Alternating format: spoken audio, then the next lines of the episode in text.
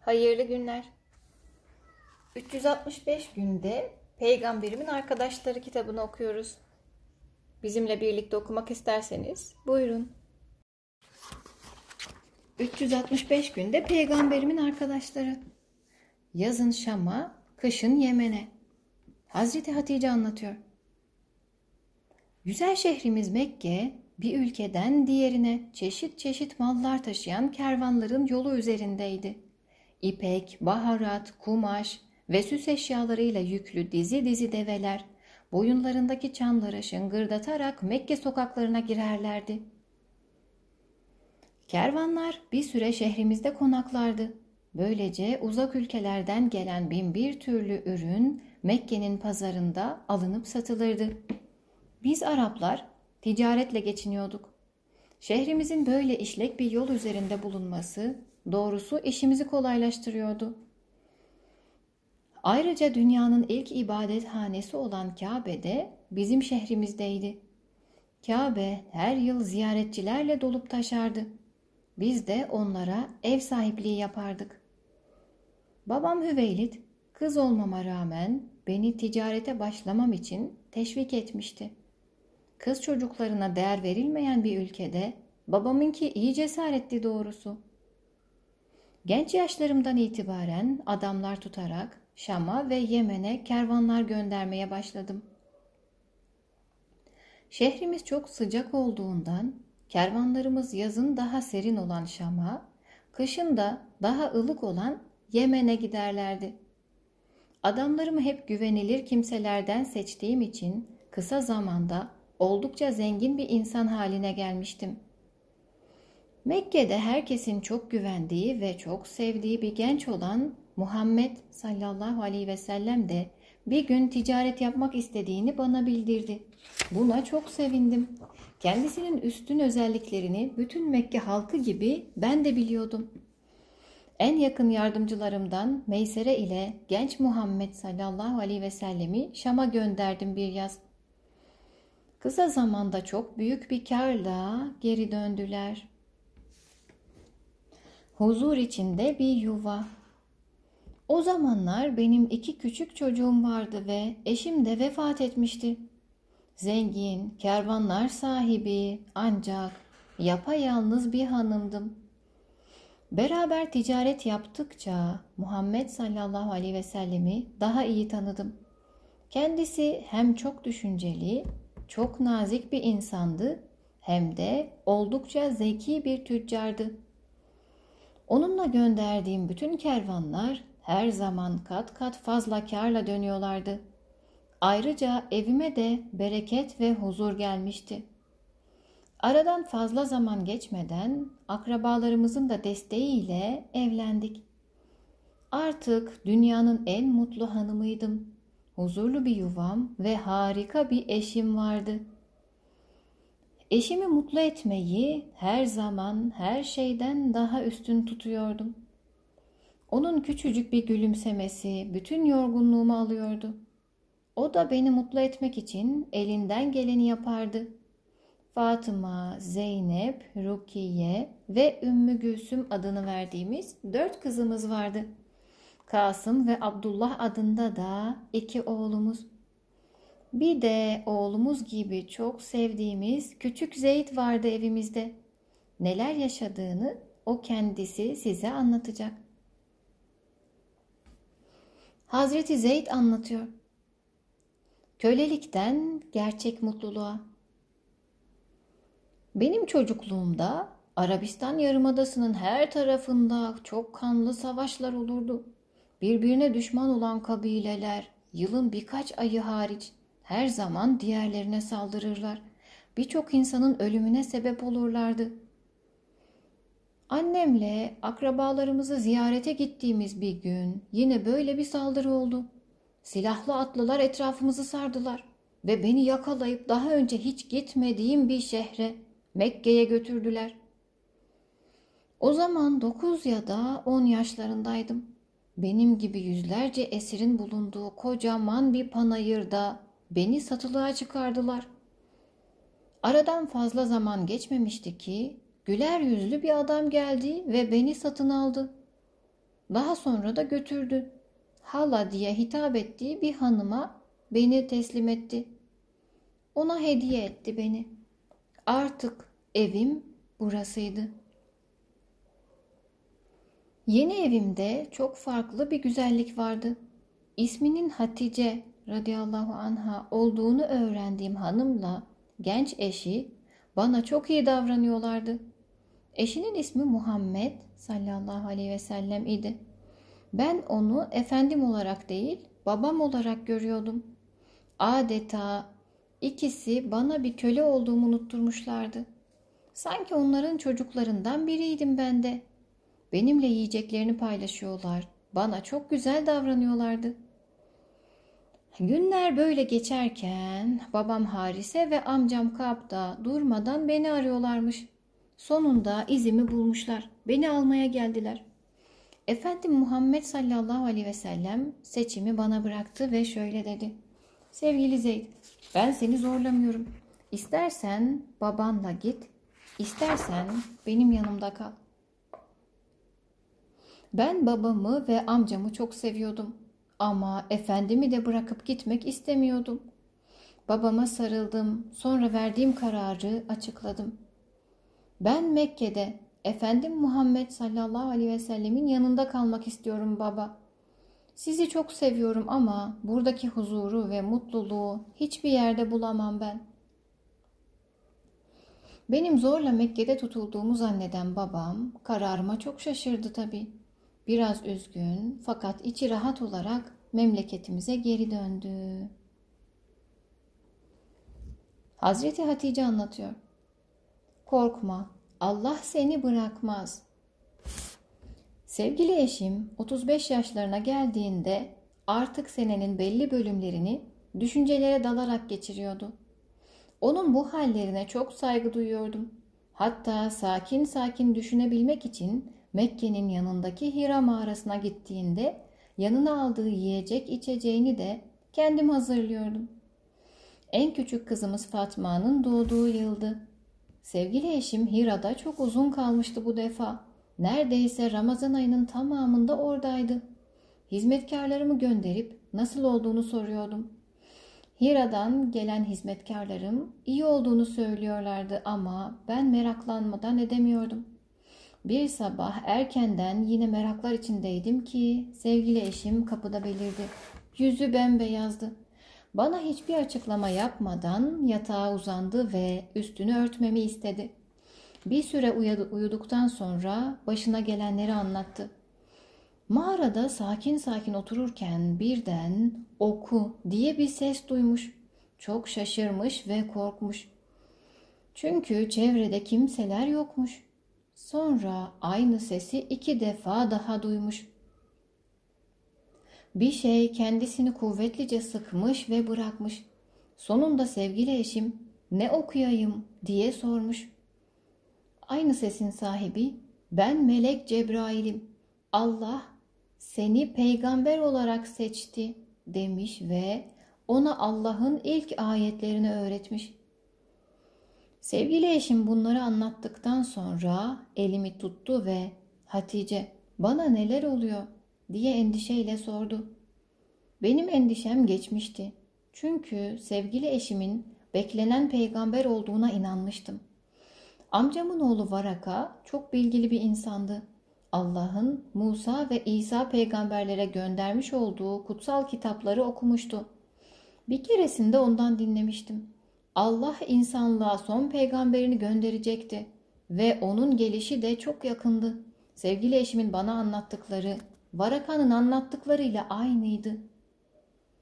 Eşimin gözlerine baktım ve ona gülümseyerek şunları söyledim. Sakın Allah'ın seni bırakacağını sanma. İnanıyorum ki sen Allah'ın insanlığa gönderdiği son peygambersin. Senin gibi herkese karşı iyilikten başka bir şey düşünmeyen bir insanı Allah yalnız bırakmaz. Hazreti Ali anlatıyor. Kimseye anlatma. Amcamın oğlu Muhammed sallallahu aleyhi ve sellemi küçüklüğümden beri çok severdim. Onu kendime babam Ebu Talip'ten daha yakın görürdüm.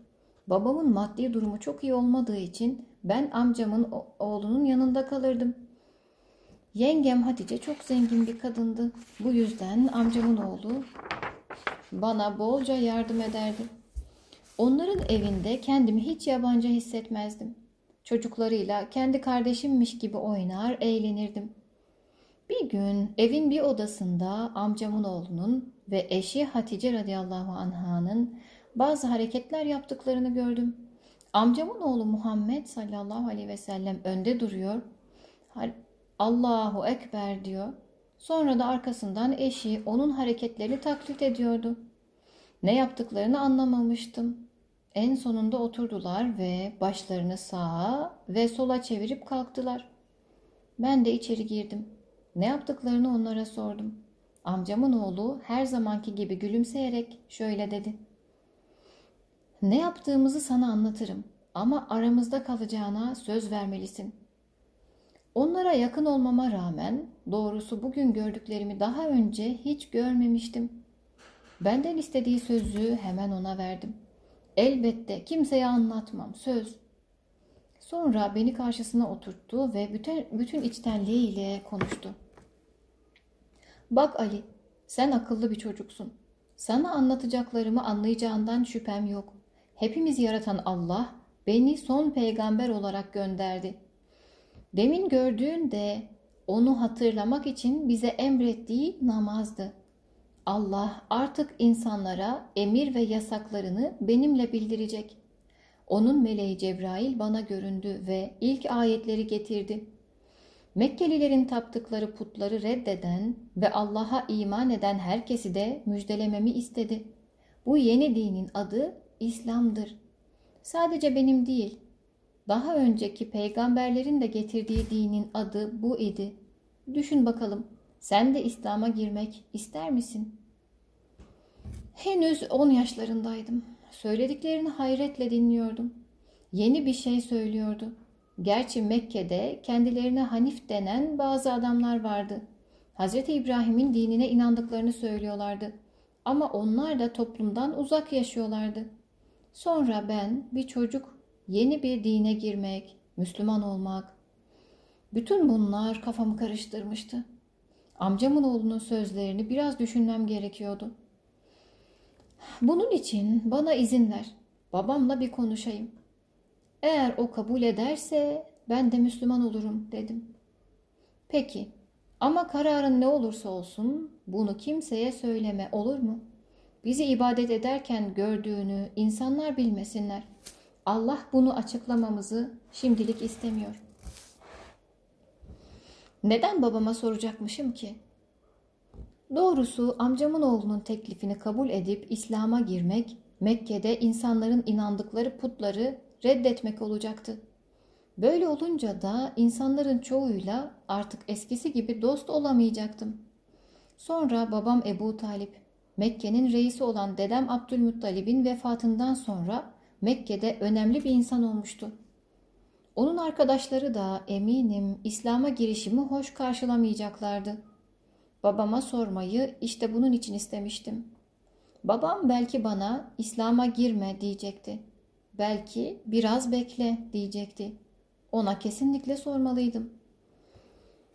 O gece sabaha kadar düşündüm. İçim rahat etmiyordu. Kaç defa babama sormak için yanına gitmek istediysem de içimden bir ses beni engelledi. En sonunda dışarı çıktım. Berrak bir gökyüzü vardı. Akşamdan beri görünen yıldızlar artık batmış, ufuk ağırmaya başlamıştı. Güneş doğacaktı. Şehrimiz yeni bir günle daha uyanıyordu. Bütün bunları yapan, bizi yaratan Allah'ı düşündüm. Onun benden beklediklerini düşündüm bize bütün bu güzellikleri o verdiği halde gidip de putlara tapmak Allah'a saygısızlık değil miydi? Putların hiçbir şeye gücü yetmeyen aciz taşlar olduklarını biliyordum. O halde neden putlara tapıyordu Mekkeliler? Neden kendilerini yaratan Allah'a yönelmiyorlardı? Neden ona nankörlük ediyorlardı? Nihayet kararımı verdim. Sabah olunca amcamın oğlunun yanına gittim. Bana gülümseyerek sordu. Ne oldu Ali? Sordun mu babana? İslam'ı kabul ediyorum. Müslüman oluyorum. Babama da sormadım. Hem niye soracakmışım ki? Allah beni yaratırken babama mı sordu da yarattı? Sabaha kadar düşündükten sonra verdiğim bu kararı açıklarken içim huzurla dolmuştu. Ve o ana kadar Muhammed dediğim amcamın oğlu o günden sonra benim peygamberim olmuştu. Hazreti Ebu Bekir anlatıyor. Allah bizi korur.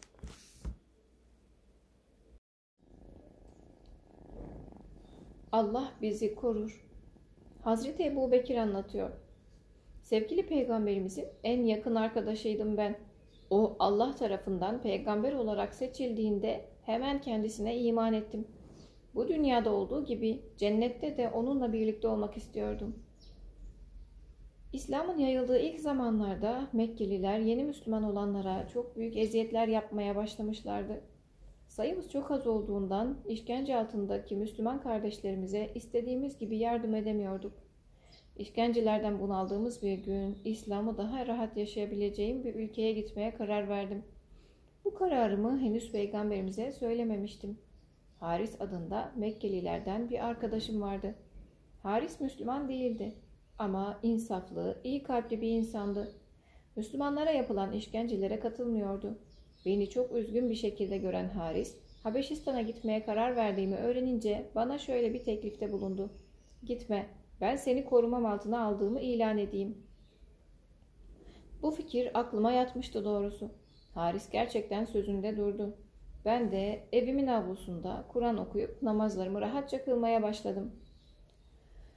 Aradan kısa bir süre geçtikten sonra Haris bana geldi ve artık seni koruyamam. Çok fazla şikayet geliyor dedi. Şaşırmıştım doğrusu. Dışarı bile çıkmıyordum. Kim şikayet edecekti ki beni?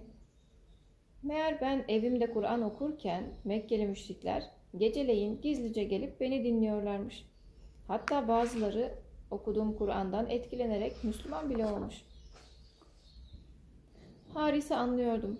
Ne kadar iyi bir insan olsa da sonuçta arkadaşlarını kızdırmayı göze alamıyordu. Kendisine yardımı için teşekkür ettim ve Allah bizi korur dedim. Hazreti Ebu Bekir'in annesi Hazreti Selma anlatıyor. Peygamberimiz iyi mi? Oğlum Ebu Bekir radıyallahu an İslam'a girmişti.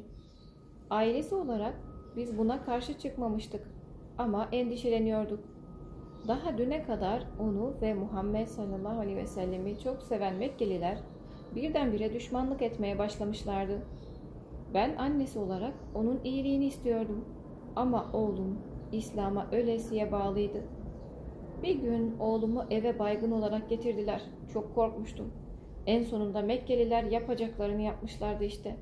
Muhammed sallallahu aleyhi ve sellem, oğlum ve arkadaşları Kabe'ye gitmişler. Orada çıkan kavgada Mekkelilerden biri oğlumu bayıltı, bayıltıncaya kadar dövmüş. Ebu Bekir radıyallahu anh'ı hemen yatırdım yatağına. Akşama kadar gözleri aç, gözlerini açmasını ve iyi olduğunu söylemesini bekledim. Nihayet gözlerini açtığında dünyalar benim olmuştu. Oğlumun ilk sorduğu soru şuydu. Peygamberimiz nasıl? Ben şaşkınlıkla oğlum iyi misin? Bak senin için yemek hazırladım demeye çalıştım ama o hala aynı soruyu soruyordu. Peygamberimiz iyi mi? Ona bir şey oldu mu? Ben hiçbir şey bilmiyordum. Ebu Bekir bana anneciğim gidip peygamberimizin nasıl olduğunu öğren. Onun iyi olduğunu öğrenene kadar bir şey yiyemem ben deyince haber almak için kalkıp tanıdığım birine gittim. Muhammed sallallahu aleyhi ve sellem iyiydi. Ona bir şey olmamıştı. Oğlum bu haberi alınca çok sevindi. Evimizde dinlenmeye devam etti. Bu olay beni çok etkilemişti. Bu nasıl bir bağlılıktı böyle? Demek İslam insanları böylesine kardeş yapıyordu. Çok geçmeden benim de kalbim İslam'a ısındı. Sevgili peygamberimize iman edip ben de Müslümanlar arasına katıldım. Hazreti Zübeyir bin Avvam anlatıyor. Korkutan haber. Talha bin Ubeydullah radıyallahu anh, Sa'd bin Ebi Vakkas radıyallahu anh ve ben çok iyi anlaşan arkadaşlardık. Hepimiz aynı yaştaydık. Birlikte büyümüştük. sarsılmaz bir dostluğumuz vardı. 16-17 yaşlarına geldiğimizde arkadaşımız Ali radıyallahu anh'ın amcasının oğlu Muhammed sallallahu aleyhi ve sellem Allah tarafından peygamber olarak seçildiğini söyledi. Bu bana çok ilginç gelmişti. Muhammed sallallahu aleyhi ve sellemi hepimiz çok seviyorduk. Bugüne dek onun yalan söylediğini de işiten olmamıştı. Şimdi o ben peygamberim diyordu. Ona inandık ve kısa süre içinde hepimiz Müslüman olduk. Müslüman olduktan sonra aramızdaki dostluk daha da sağlamlaştı. Artık sevgili peygamberimiz için canlarımızı vermeye hazırdık. İslam kardeşleriydik hepimiz.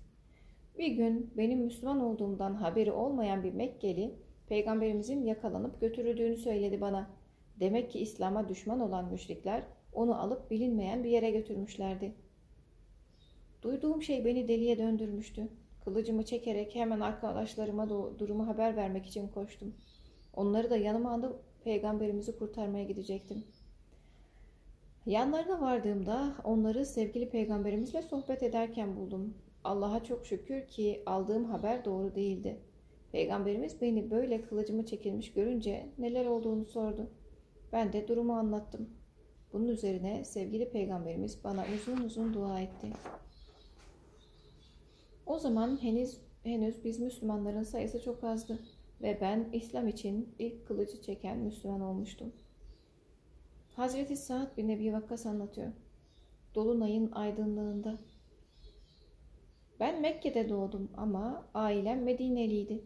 Sevgili peygamberimizin annesi Amine radıyallahu anh'a ile uzaktan akrabaydık. Peygamberimiz beni bu yüzden çok severdi. Ama ben onun peygamber olduğunu çok ilginç bir şekilde öğrendim. Bir gece beni çok etkileyen bir rüyam oldu. Kapkaranlık bir yerdeydim. Çevremi, eşyaları göremiyor, hatta nerede olduğumu bile anlayamıyordum. İçim ürpertiyle dolmuştu. Ben burada ne arıyordum? Ne zaman çıkacaktım bu karanlıktan? Derken bir dolunay doğdu. Süt gibi bembeyaz bir dolunay. Aydınlığı her yeri kapladı. Az ilerimde hepsini de yakından tanıdığım arkadaşlarım Ebu Bekir, Ali, Zeyd radıyallahu anh ay ışığı altında parıldadıklarını gördüm. Onların da yanımda olmalarına çok sevinmiştim. Siz ne zamandan beri buradasınız diye sordum. Fazla olmadı dediler. Uyandığımda bu gördüğüm rüyanın ne, neye işaret olabileceğini çok düşündüm fakat herhangi bir sonuca ulaşamadım. Aradan bir hafta kadar zaman geçtikten sonra samimi bir arkadaşımdan sevgili peygamberimizin İslam'ı gizlice yaymaya başladığını öğrendim. Çok heyecanlanmıştım. Her yerde peygamberimizi aradım. Nihayet onu Kabe'nin üst taraflarında bir tepede namaz kılarken buldum. Yanında tıpkı rüyamda gördüğüm gibi Hazreti Ebu Bekir, Hazreti Zeyd ve Hazreti Ali radıyallahu anhum vardı. Rüyam açıklanıyordu işte. Dolunay, İslam ve peygamberimizdi. Fazla olmamıştı İslam'ın parlak ışığı yayılalı. Yakın arkadaşlarım da benden hemen önce Müslüman olmuşlardı. Oracıkta hiç tereddüt etmeden ben de Müslüman oldum. Onu sakın kaçırma. Hazreti Talha bin Ubeydullah anlatıyor. Sevgili peygamberimizle aynı şehirde yaşamama rağmen onun İslam'ı yaymaya başladığını çok uzaklarda Busra'da öğrendim. Busra, Şam'a yakın bir kasabaydı. Ticaret için Mekke'den yola çıkan kervanlar mutlaka Busra'ya da uğrarlardı. Çoğunlukla Hristiyanların yaşadığı bu sırada eski kiliseler, manastırlar, bilge rahipler bulunurdu. Bir defasında Şam'a gitmiş, orada uzun süre kalmıştım. Dönüşte her zamanki gibi bu sırada mola verdik. Büyük bir şenlik düzen, düzenlenmişti o yıl. Komşu ülkelerden gelen insanlar bu sıra sokaklarını doldurmuşlardı. Çarşıda gezip insanlarla sohbet ederken bir rahibin aranızda Mekkeli var mı diye seslendiğini duydum. Evet dedim. Ben Mekke halkındanım. Rahip hemen bana doğru geldi ve sordu. Ahmet ortaya çıktı mı? Şaşırmıştım. Ahmet de kimdi? Rahip neyi kastettiğini açıkladı sonra. Ahmet peygamberlerin sonuncusudur. İçinde bulunduğumuz şu günlerde gelmiş olması gerekir. Mekke'de dinini yayacak, sonra hurmaların çok olduğu bir yere hicret edecektir. Rahibin sözleri şaşkınlık içinde dinliyordum.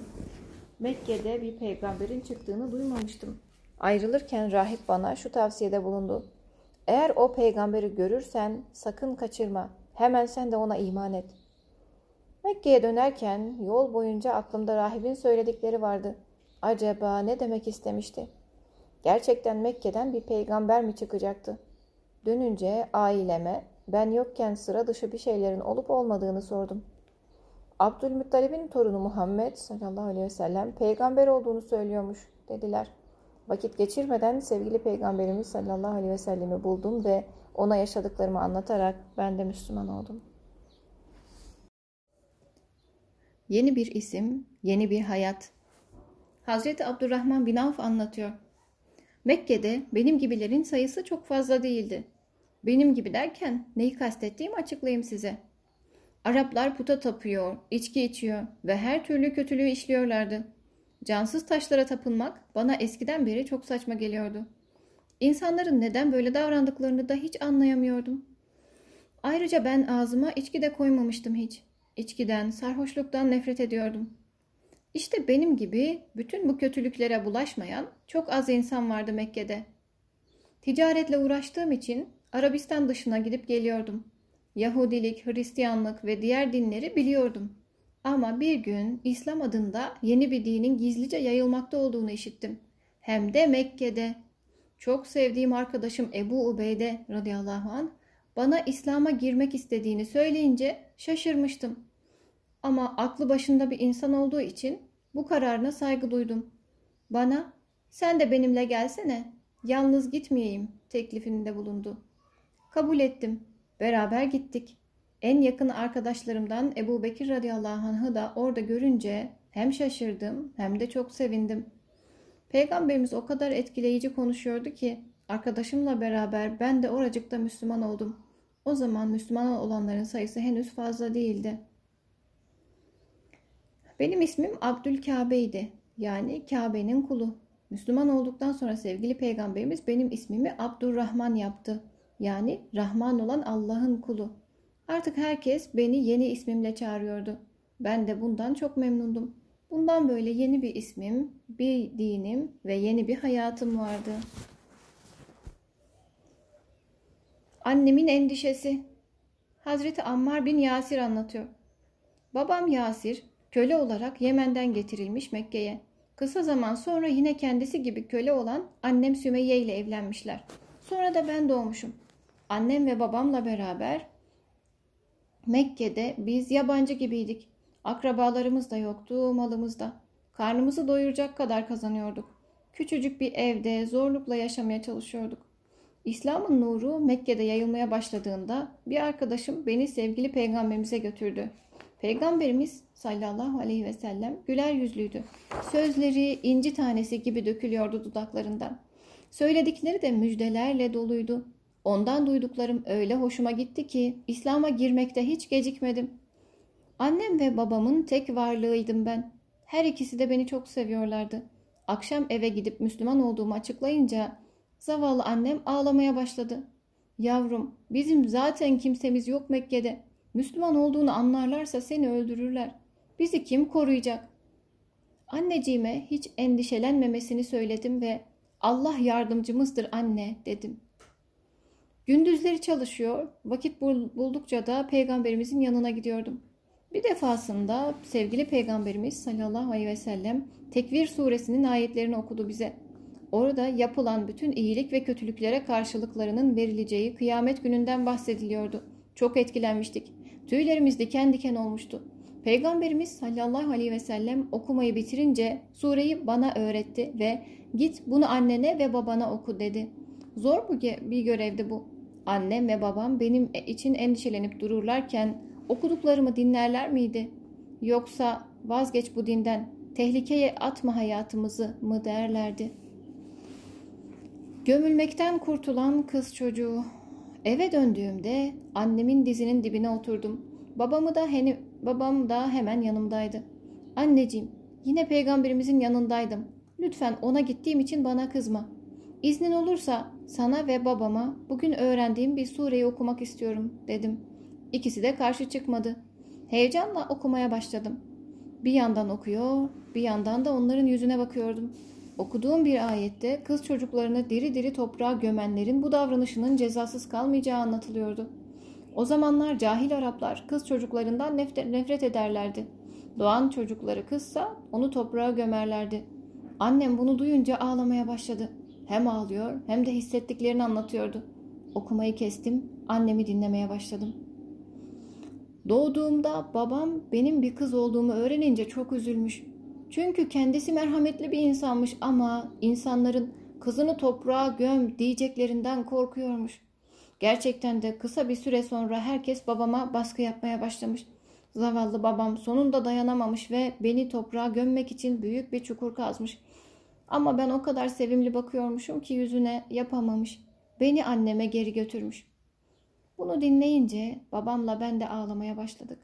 Annem sonra babama döndü ve işte ben böyle kurtuldum ve seninle evlenebilecek yaşa kadar böyle yaşadım. Oysa binlerce kız çocuğu benim kadar kısmetli değildi. Bu zulmün bitmesi gerek. Oğlumuzun okudukları Allah'ın sözleridir. Ben iman ediyorum, dedi. Annemin ardından babam da iman etti. Allah endişelerimi boşa çıkarmış, anneciğimi ve babacığımı İslam'la şereflendirmişti şükürler olsun. Kölelerle efendiler Allah katında eşittir. Hazreti Bilal anlatıyor. İslam Mekke'de yayılmaya başladığı zaman ben Mekkelilerden birinin kölesiydim. Sevgili peygamberimizin kölelerle efendiler Allah katında eşittir sözünü duyunca kulaklarıma inanamadım. Çünkü bana hiç değer verilmiyordu Mekke'de. Ağır işlerde çalışıyor, kimsesiz bir halde yaşıyordum. Elbette kölelerine hiç acımayan Mekkeliler bu sözleri duyunca hiç hoşlanmadılar. Ne yani? Para verip satın aldığımız bu adamlarla biz eşit miyiz şimdi? Demeye başladılar. Müslüman olmaya karar vermiştim fakat efendim olan Mekkeli adam buna kesinlikle karşı çıkacaktı. Yine de peygamberimize gittim ve Müslüman oldum. Sonra her şey tahmin ettiğim gibi oldu. Efendim bana işkenceler yapmaya başladı. Beni kızgın kumlar üzerine yatırıyor, karnıma ağır kayalar koyuyordu.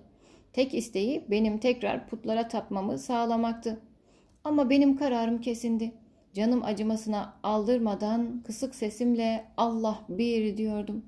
İşkenceler de artarak devam ediyordu. Belli bir zaman bu sıkıntılara katlandım. Allah'tan sabır diliyordum. Bir gün aniden çok sevdiğim arkadaşım Hazreti Ebu Bekir radıyallahu an yanıma geldi. Müjde ey Bilal artık özgürsün. Bu adamın işkencelerinden kurtuldun dedi. Kendisi efendimle görüşüp beni satın almış. Sonra da Allah rızası için beni hürriyetime kavuşturdu. Artık özgürdüm. Hazreti Ebu Bekir radıyallahu anh'ın iman nuruyla parlayan yüzüne gülümseyerek baktım ve kendisine teşekkür ettim. Onun gibi birine de ancak böyle güzel bir davranış yakışırdı. Allah'ın cevabı Habbab bin Eret radıyallahu anh anlatıyor. Köle olarak Mekke'ye getirildim ben de. Önceden yaşadığım kasabada demircilikle uğraşıyordum. Mekke'de bu işe devam ettim. Çok fazla kazanmasam da herkesin beğendiği işler çıkarabiliyordum. Sevgili Peygamberimiz sallallahu aleyhi ve sellemin İslam'ı yaymaya başladığını sevgili arkadaşım Bilal'den duydum. O da benim gibi köleydi. İslam herkese eşitlik sözü veriyordu. Kölelerle efendiler arasında fark yoktu. Bu beni çok etkilemişti. Bilal'den sonra ben de Müslüman oldum. Bir yandan efendim olan Mekkeli adamın dükkanında demircilikle uğraşıyordum. Bir yandan da dinimi öğrenmeye çalışıyordum. Mekke'nin zenginlerinden bir adamın bana borcu vardı. Kendisi için iş yapmıştım ama paramı uzun zamandır vermemişti. Bir gün dükkanıma geldi. Sonunda borcunu vereceğini düşünerek çok sevindim.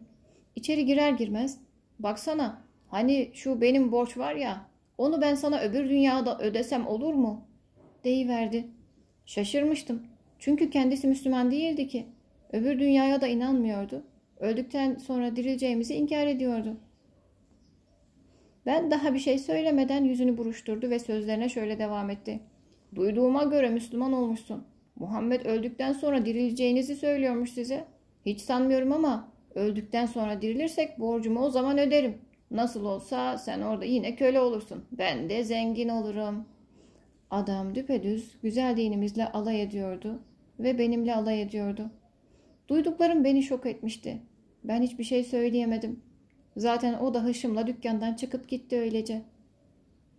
Akşamleyin Peygamberimiz sallallahu aleyhi ve sellem kendisine Allah tarafından gönderilen ayetleri okuyordu. Ayetlerin hepsi de bugün bana gelen o inkarcı adamla ilgili ayetlerdi. Allah onun tevbe etmezse cezasını çekeceğini söylüyordu bir ayette. Habbab bin Eret anlatmaya devam ediyor. Sabrın sonu selamet, rahatlık. Müslüman olduğumuzu duyan Mekkeli müşrikler ilk önce bizimle dalga geçmeye başladılar. Bizim bundan etkilenerek İslam'dan döneceğimizi sanıyorlardı. Ama biz onların sözlerine asla aldırmadık. Bunlardan etkilenmediğimizi görünce bize işkenceler yapmaya başladılar. Bu işkencelerden en çok kimsesizler, fakirler ve köleler zarar görüyordu. Çünkü en güçsüz olanlar onlardı. Arkadaşım Bilal ve ben çok zorlanıyorduk. İkimizin de acımasız efendisi vardı. Bizi hem en zor işlerde çalıştırıyorlar hem de Müslüman olduğumuz için eziyet ediyorlardı. Aradan uzun zaman geçtikten sonra gidip peygamberimize durumumuzu anlatmaya karar verdim. Belki o bizim yaşadıklarımıza bir çözüm bulabilirdi. Onu Kabe'ye yakın bir yerde namaz kılarken buldum. Çok büyük sıkıntı çekiyoruz. Ne olur bize bir yol göster. İşkenceler dayanılmaz bir hal aldı dedim. Sevgili peygamberimiz beni dinledikten sonra şunları söyledi. Sizden önceki zamanlarda yaşayan insanlar daha fazla işkenceler çektiler. Biraz daha sabredin. Öyle bir gün gelecek ki İslam dini her tarafta hakim olacak ve her yerde selamet hakim olacak. Ama siz acele ediyorsunuz. Şikayetimden dolayı utanmıştım doğrusu. Ama peygamberimizin sözleri beni çok rahatlatmıştı. Gelecek güzel günleri düşünerek yaşadıklarımıza sabretmeye devam ettik. Gerçekten aradan fazla zaman geçmeden Allah bizi Mekkelilerin bu zulmünden kurtardı. Büyük sıkıntılar yaşamış olsak da sabrımızın sonunda rahatlığa ulaşmıştık. Musab bin Umeyr radıyallahu anh anlatıyor. Gerçek zenginlik öbür dünyada. Annem Mekke'nin en zengin kadınlarından biriydi. Ben de onun biricik oğluydum. Sokağa çıkacağımda annem bana en güzel elbiseleri giydirir, en güzel kokular sürerdi. Yolda yürürken insanların ne kadar da yakışıklı, elbisesi ne kadar da güzel olmuş diye benim hakkımda konuştuklarını duyardım. Doğrusu bunlar hoşuma da giderdi. Yakın arkadaşlarımdan biri bana bir gün dedi ki, Düşünsene, öleceğiz ve bütün bu güzellikler son bulacak. Sonra Allah'ın huzuruna çıkacağız. Allah bizi dünyada yaptığımız iyi işler için ödüllendirecek. Kötü davranışta bulunanları ise cezalandıracak. Bunlar hiç duymadığım sözlerdi. Şaşkınlık içinde kimden duydun bu sözleri diye sordum. Arkadaşım hepimizin tanıdığı ve çok sevdiği Muhammed sallallahu aleyhi ve sellemin peygamberliğini ilan ettiğini ve insanları İslam'a davet ettiğini anlattı. İstersen seni ona götüreyim dedi. Kabul ettim. Sevgili peygamberimizin anlattıkları gerçekten çok güzel şeylerdi. Hiçbir insan bu sözleri kendiliğinden söyleyemezdi. Mutlaka Allah'ın öğrettiği şeylerdi bunların hepsi. Müslüman olmak için fazla düşünmedim. Ben de aralarına katıldım. Annem bunu duyunca çok sinirlendi. Önce beni azarladı. Daha sonra tehdit etmeye başladı. Eğer vazgeçmezsen seni evimden kovarım. Mallarımdan da mahrum ederim. Aslında annemle iyi geçinmeyi istiyordum. Ama o İslam'dan öylesine nefret ediyordu ki evden ayrılmak zorunda kaldım.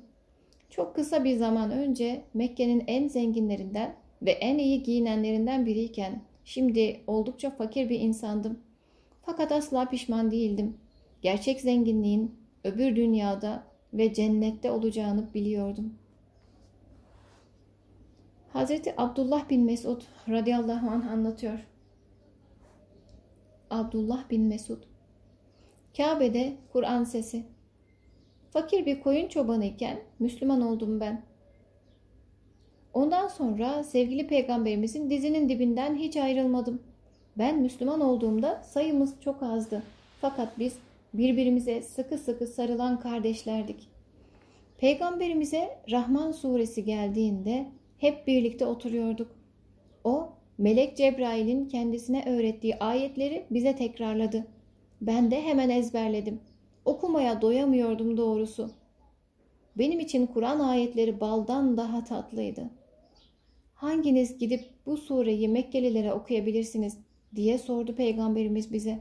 Bu çok zor bir işti. Mekkeliler bize zaten öfkeliydiler. Bir de karşılarında Kur'an okursak daha da sert davranabilirlerdi. Fakat ben hiç korkmuyordum. Hemen atıldım ve ben okuyabilirim dedim. Yaşım çok gençti o zaman. Çok da zayıftım. Peygamberimiz sallallahu aleyhi ve sellem hayır sen gitme. Başka kim gidebilir dedi. Ama kimseler buna cesaret edemiyordu.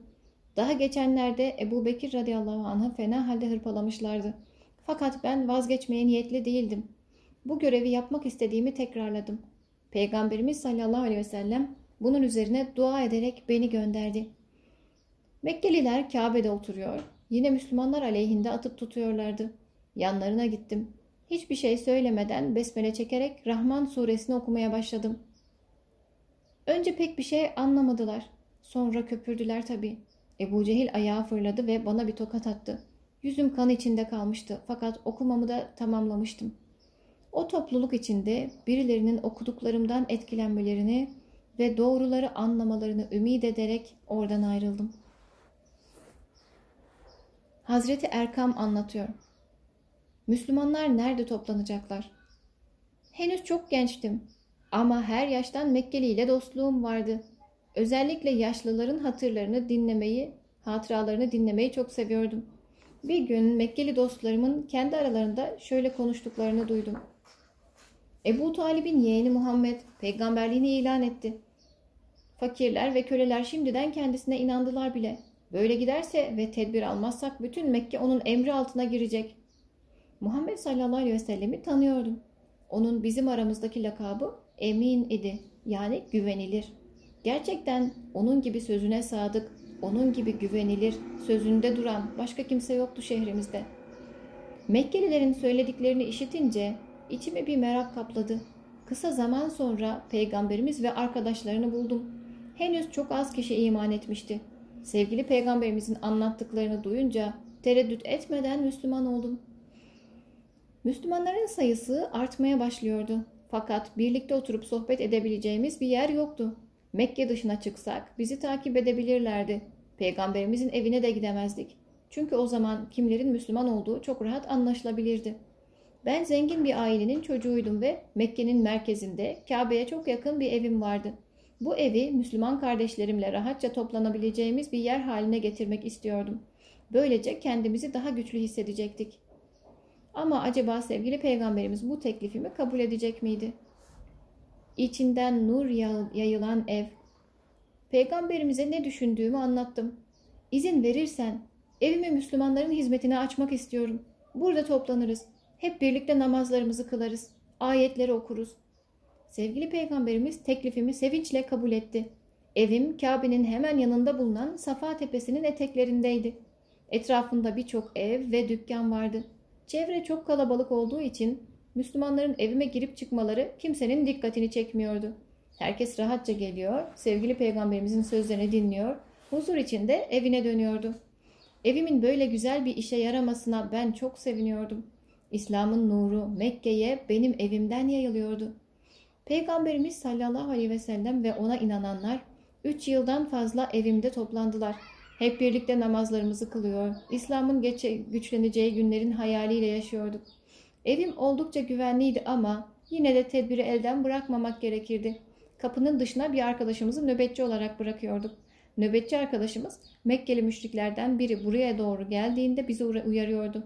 Ama çok şükür İslam'ı rahatça yaşayacağımız günler gelinceye kadar Allah bizi bütün tehlikelerden korudu. Babamdan duyduğum gibi Hazreti Said bin Zeyd anlatıyor. Eşim Fatıma ile birlikte Müslüman olduğumuzda Mekke'de İslam'a girenlerin sayısı çok azdı. Sevgili peygamberimizle sık sık buluşuyor, ondan öğrendiklerimizi heyecanla uyguluyorduk. Herkes çok gizli hareket ediyordu. Peygamberimiz sallallahu aleyhi ve sellem henüz Allah'tan İslam'ı açıkça yayma emrini almamıştı.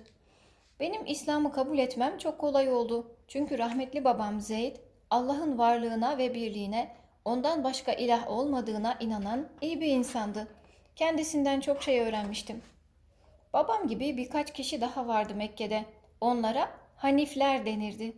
Yani putlardan uzak durup Allah'ın gerçek dinini yaşamaya çalışan kişiler. Sevgili peygamberimizin Allah tarafından gönderilmesinden önce vefat etmişti babam. Fakat tıpkı bir Müslüman gibi hareket ederdi. Mekkelilerin taptıkları putlarla alay eder, gerçek dini bulmak için başka ülkelere giderdi. Yahudi ve Hristiyan din adamlarıyla görüşür, onların anlattıklarını dinlerdi. Babam bir defasında Suriye'ye gitmişti. Geldiğinde çok heyecanlıydı. Bana şunu söyledi. Orada duyduğuma göre Allah yakınlarda bir peygamber gönderecekmiş. İnşallah o günlere kadar ben de yaşarım. Babam o günden sonra Kabe'ye yüzünü dönerek dua etmeye başladı. Allah'ım Mekkeliler senin istediğin gibi ibadet etmiyorlar. Putlara tapıyorlar. Sen de şahitsin. Ben putlardan nefret ediyorum. Ama sana nasıl ibadet edeceğimi de bilmiyorum.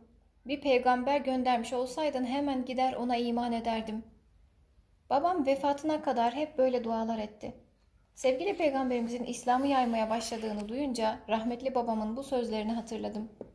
Peygamberimiz sallallahu aleyhi ve sellem babamın bahsettiği şeyleri anlıyordu, anlatıyordu. Hiç vakit kaybetmeden gidip Müslüman oldum. Yiyeceğini kaptıran put. Ebu Zer Hazretleri anlatıyor. Ben Mekke'nin dışında bir köyde yaşıyordum.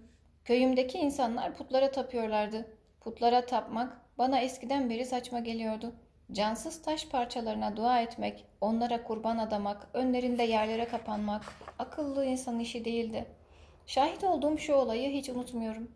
Köyümüzde bulunan büyük bir putun önüne insanlar yiyecek içecek koymuşlardı.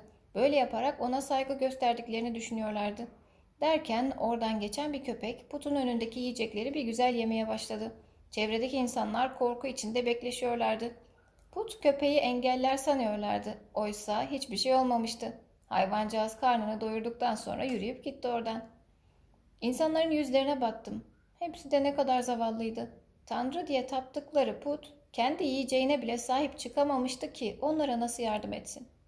Bense kendi kendime Allah'a dua ediyordum. Allah'ım bana doğru yolu göster. İnsanların yaptığı şu saçma işlerden beni kurtar. Arkadaşımın verdiği haber. Bir gün Mekke'den dönen bir arkadaşım bana şunları söyledi. Baksana ne anlatacağım. Mekke'de bir peygamberin çıktığından söz ediyorlar. İnsanları ortağı olmayan, tek olan Allah'a iman etmeye çağırıyormuş. Kim olduğunu öğrenemedim ama bu anlattıklarım kesinlikle yalan değil. Arkadaşımın söylediklerinden sonra iyice meraklanmıştım. Hemen kalkıp Mekke'ye gittim. Mekke'de birkaç gün kimselerle konuşmadım. Çevreyi dikkatle inceliyordum. İnsanlar her zamanki işleriyle meşguldüler. Herhangi bir farklılık görünmüyordu. Yalnız bazı insanların Muhammed sallallahu aleyhi ve sellem adında birinden söz ettiklerini duymuştum. Çarşıda dolaşırken birkaç kişiye onu sordum. Hiçbiri bana cevap vermedi. Daha sonra genç bir Mekkeli ile tanıştım. İsmi Ali radıyallahu anh idi. Kısa zamanda samimi arkadaş olduk. Benim kötü niyetli biri olmadığımı anlayınca bana dedi ki Çarşıda peygamberimizi sorduğum o insanlar bizim arkadaşlarımızdı. Peygamberimizin güvenliği için bizim peygamberimizin güvenliği bizim için her şeyden daha önemli. Sen yabancı olduğundan dolayı seninle konuşmadılar. Böyle söyledikten sonra Ali radıyallahu an beni peygamberimizle toplandıkları yere götürdü. Müslüman olmak istediğimi söylediğimde peygamberimiz sevinçle karşıladı.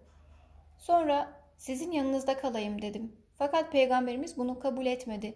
Acaba yanlış bir şey mi söylemiştim? Neden kabul etmemişti ki? Şimdi git, güçlendiğimizde gel.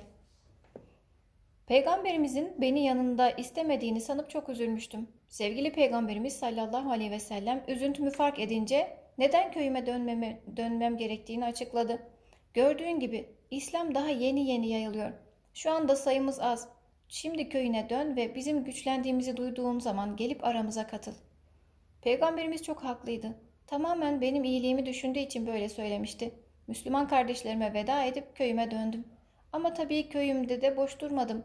Ev halkımdan başlayarak bütün tanıdıklarıma ve çevredeki insanlara İslam'ı anlattım. Gece gündüz uğraşıyor, insanların Allah'ın diniyle tanışması için çırpınıyordum. Kısa zaman içinde köyümüzdeki Müslümanların sayısı arttı.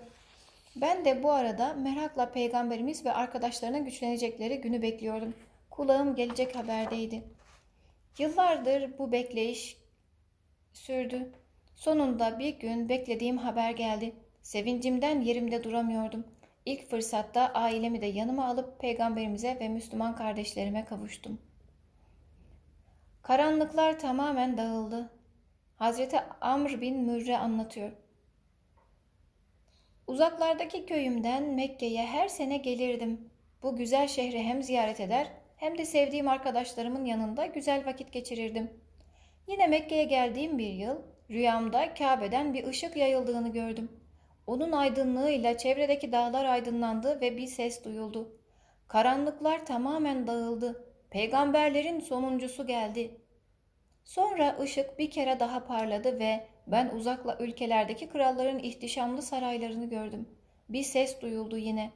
İslam dini geldi. Putlar kırıldı. Akrabalar birbirlerine iyi davranmaya başladı. İyilik yayıldı. Kan ter içinde uyandım.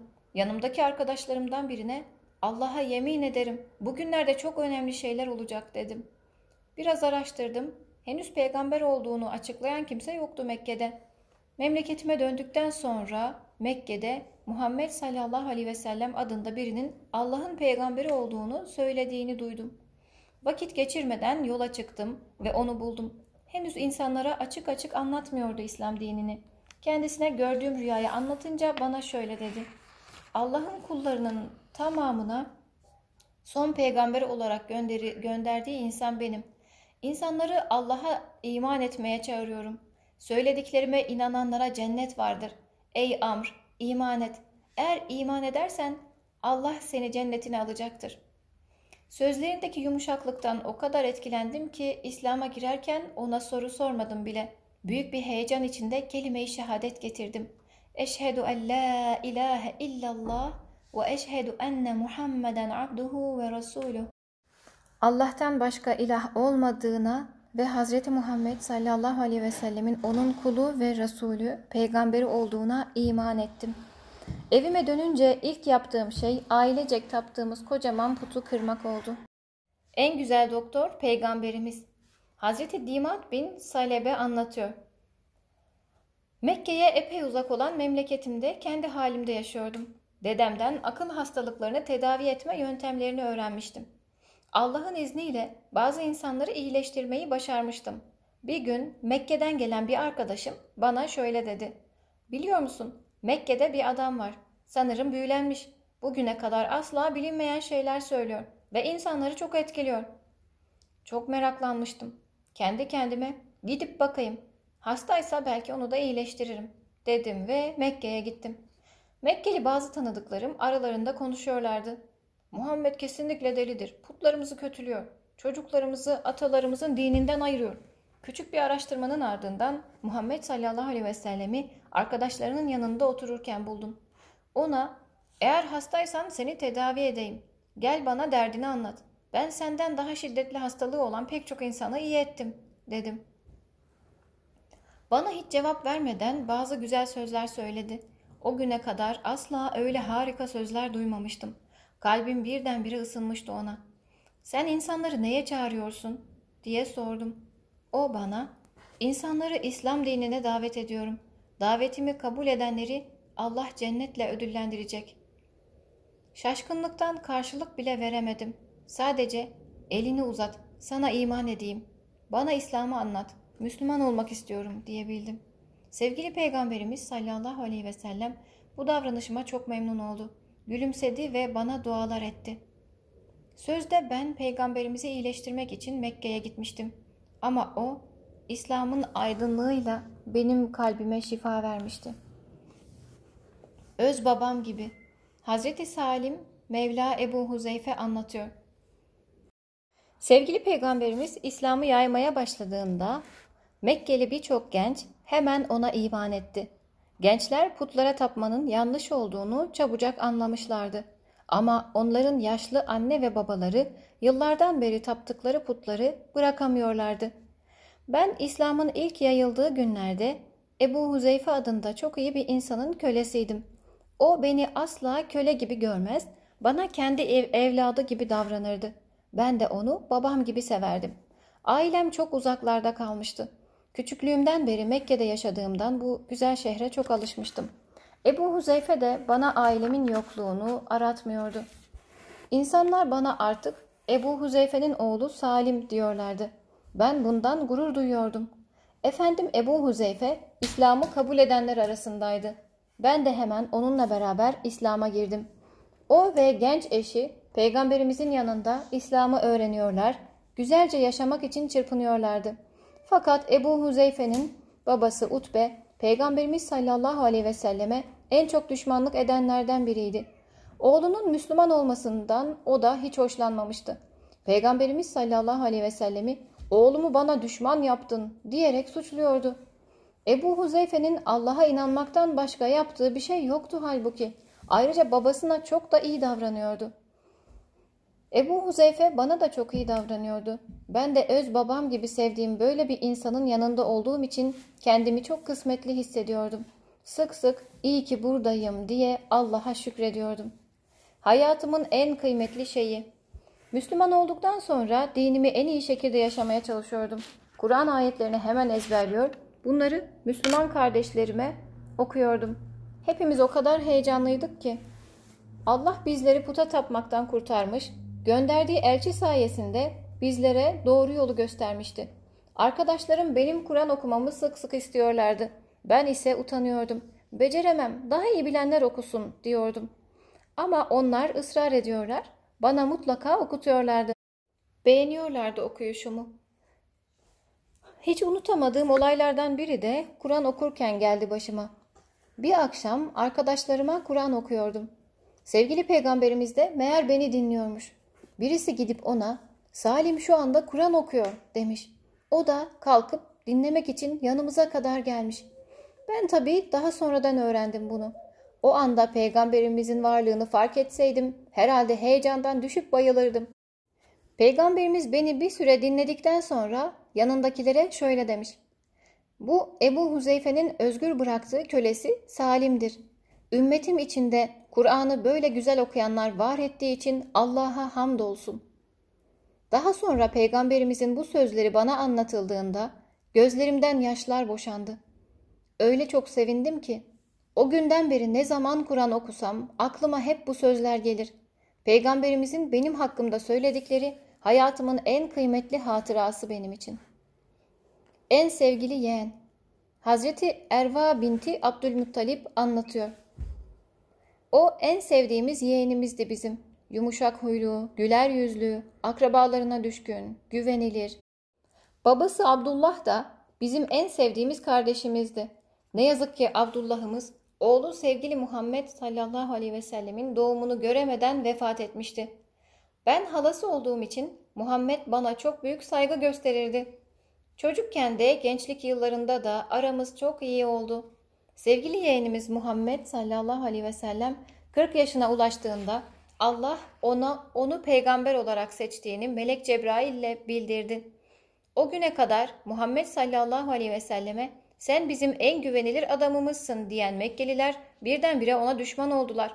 Ebu Cehil ve diğerleri bize şöyle diyorlardı.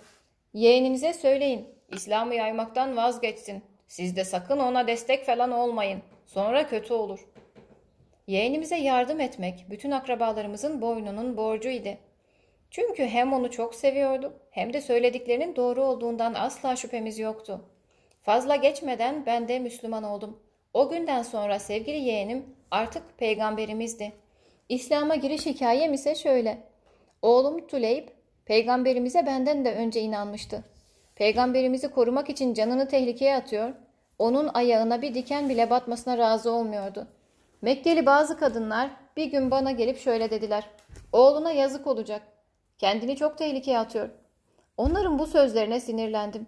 Onun hayatının en şerefli günleri dayısının oğlu Muhammed sallallahu aleyhi ve sellemi koruduğu günlerdir dedim ve ardından Müslüman oldum. Gerçek olan rüya. İslam'ın yeni yeni duyulmaya başladığı günlerdeydim. Hepimizin çok iyi tanıdığı Muhammed sallallahu aleyhi ve sellem insanları bu yeni dine davet ediyordu. Ben ona düşmanlık edenlerden uzak duruyordum ama gidip Müslüman da olmuyordum. Kendi halimde yaşayıp gidiyordum. Olanlar beni çok ilgilendirmiyordu. Bir gece dehşetli bir rüya gördüm. Ateşle dolu bir çukurun kenarında duruyordum. Babam Said beni ateşin içine doğru itiyordu. Bana ne yapıyorsun diye bağırışlarıma hiç aldırış etmiyordu. Tam çukura yuvarlanacağım sırada iki kuvvetli el belimden kavradı ve beni ateşin içinden uzaklaştırdı. Dönüp baktım. Muhammed sallallahu aleyhi ve sellem'di bu. Uyanır uyanmaz bu yeni dine inanan insanları toplandığı yere koştum. Muhammed sallallahu aleyhi ve sellem orada arkadaşlarıyla birlikte oturuyor, sohbet ediyordu. Gördüğüm rüyanın da etkisiyle heyecanla sordum. Sen insanları neye çağırıyorsun? Bana gülümseyerek Allah'a çağırdığını söyledi. Sonra da İslam'ı anlattı. Kalbim yumuşamış, Allah'ın nuruyla aydınlanmıştı. Sevgili peygamberimizin ve Müslüman kardeşlerimin huzurunda kelime-i şehadet getirdim. Eşhedü en la ilahe illallah ve eşhedü enne Muhammeden abduhu ve rasuluh. Eve döndüğümde babamla aramızda şiddetli bir tartışma geçti. Babam benim Müslüman olmamı istemiyordu. Eğer İslam'ı reddetmezsen artık benim oğlum değilsin deyince büyük bir üzüntüyle babamın yanından ayrıldım. İslam'ı terk etmem mümkün değildi. Böylece rüyam gerçekleşmişti. Babam beni İslam'dan vazgeçirmeye çalışırken sevgili Peygamberimiz sallallahu aleyhi ve sellem beni cehennem ateşinden çekip kurtarmıştı. Ondan ne istiyorlardı? El-Müdrik el-Ezdi anlatıyor. Babamla bir ziyaret için Mekke'ye gelmiştik. Yaşadığımız yer Mekke'ye çok uzak olmasına rağmen yine de her yıl mutlaka bu güzel şehre uğrar, alışveriş yapar, insanlarla sohbet ederdik. Fakat bu sene Mekke'de bir karışıklık vardı. Sohbet ettiğimiz herkes atalarının dinini terk eden Muhammed adında birinden bahsediyordu. Anlattıklarına göre Muhammed sallallahu aleyhi ve sellem İslam adında bir dini yaymaya, putlara tapmayı da kötülemeye başlamıştı. Mekke'nin dışında bir yerde otururken onu gördük. İnsanlar etrafına toplanmıştı. Bazıları onun üzerine toprak atıyor, bazıları ise ona hakaret ediyorlardı. O ise sadece şunu söylüyordu. Ey insanlar! La ilahe illallah deyin, kurtulun. Gördüğümüz manzara çok etkileyiciydi. Biraz sonra gencecik bir kız ağlayarak elinde bir su kabıyla geldi. Muhammed sallallahu aleyhi ve sellemin yüzünü ıslak bir bezle sildi. Babama bu kim dedim. Kızı Zeynep'miş diye cevap verdi. Babam da ben de gözümüzü kırpmadan olanları izliyorduk. Mekkeliler sadece yumuşak bir şekilde konuşan bu insandan acaba ne istiyorlardı? Muhammed sallallahu aleyhi ve sellem onların hakaretlerine hiçbir cevap vermiyor, usanmadan İslam'ı anlatıyordu. Memleketimize döndükten sonra yaşadığımızı daha sakin kafayla düşündük ve Muhammed sallallahu aleyhi ve sellemin kesinlikle haklı olduğuna karar verdik. Gerçekten de putlara tapmak çok aptalcaydı.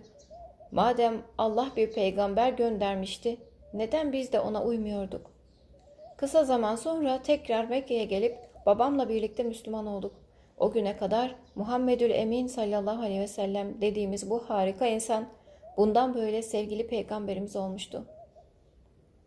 Bir panayır hatırası. Hazreti Tarık bin Abdullah anlatıyor. Mekke çok büyük bir ticaret şehriydi.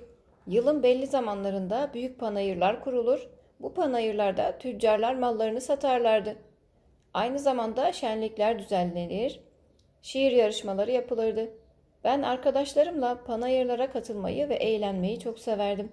Yine bir panayır günüydü ama insanlar günlük eğlencelerden çok Muhammed sallallahu aleyhi ve sellem adında birinin getirdiği yeni dinden bahsediyorlardı. Ben Mekkeli olmadığımdan Muhammed sallallahu aleyhi ve sellemi tanımıyordum. Sadece ondan söz edildiğini duyuyordum. Az sonra panayırın bir ucundan genç bir adam geldi. İnsanlara Allah'ın tek olduğunu anlatıyordu. Kırmızı bir elbise giymişti. Konuşması tane taneydi. Çok güzel bir görünümü vardı. Gözlerimi ondan ayıramıyordum. Yanımdakilere bu kim diye sordum. İşte Muhammed bu dediler.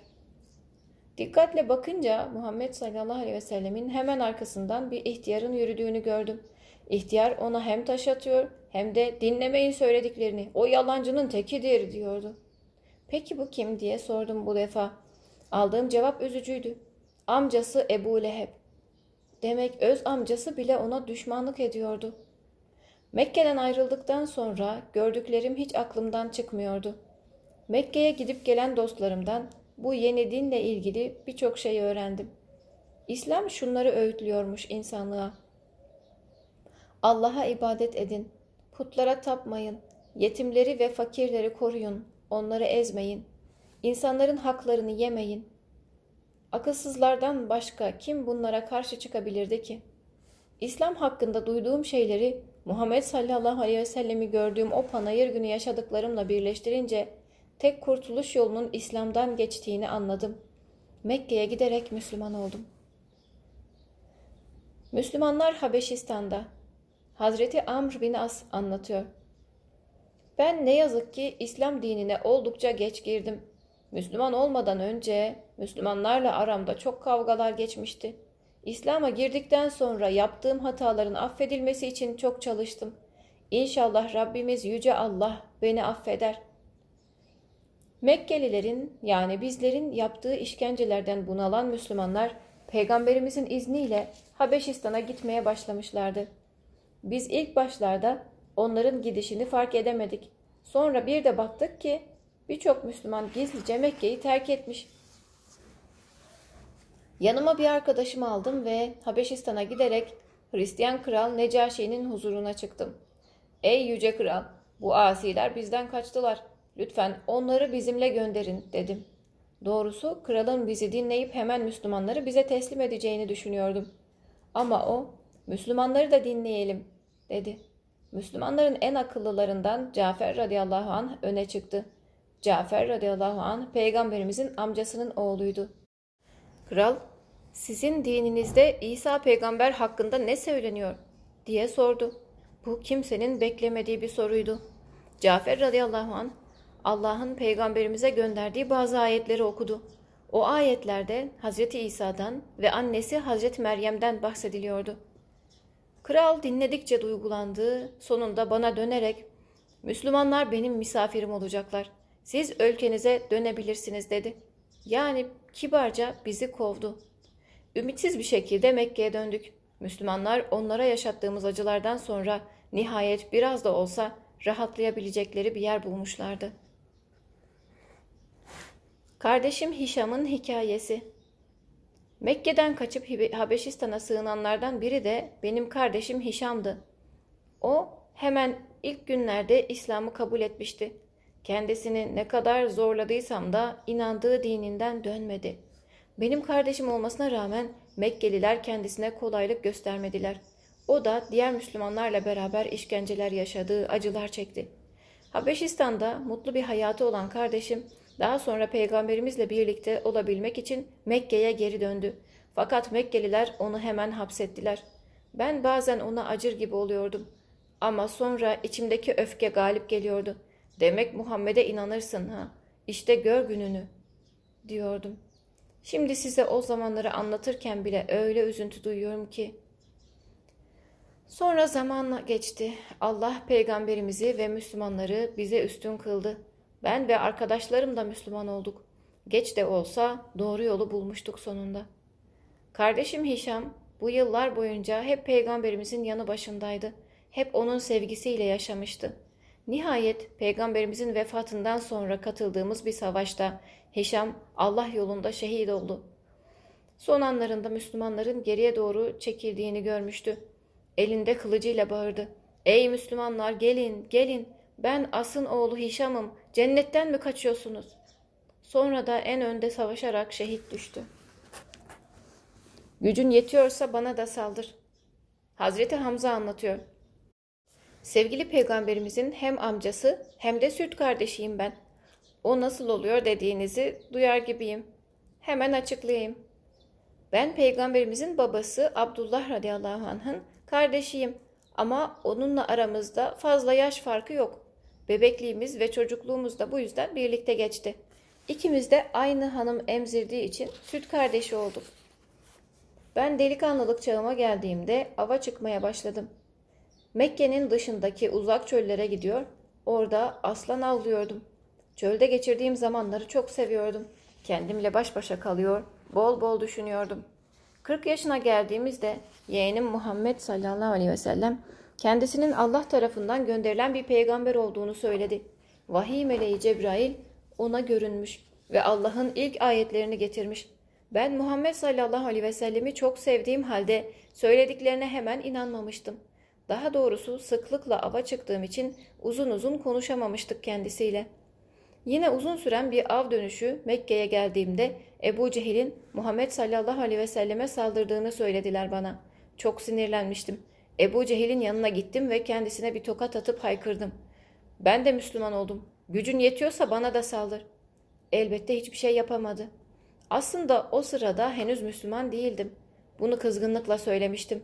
Ama ne olduysa oldu. Kendimi birdenbire sevgili yeğenimin, sevgili peygamberimizin yanında buluverdim. Allah kalbimi İslam'a ısındırmıştı. Vakit kaybetmeden Müslüman oldum.''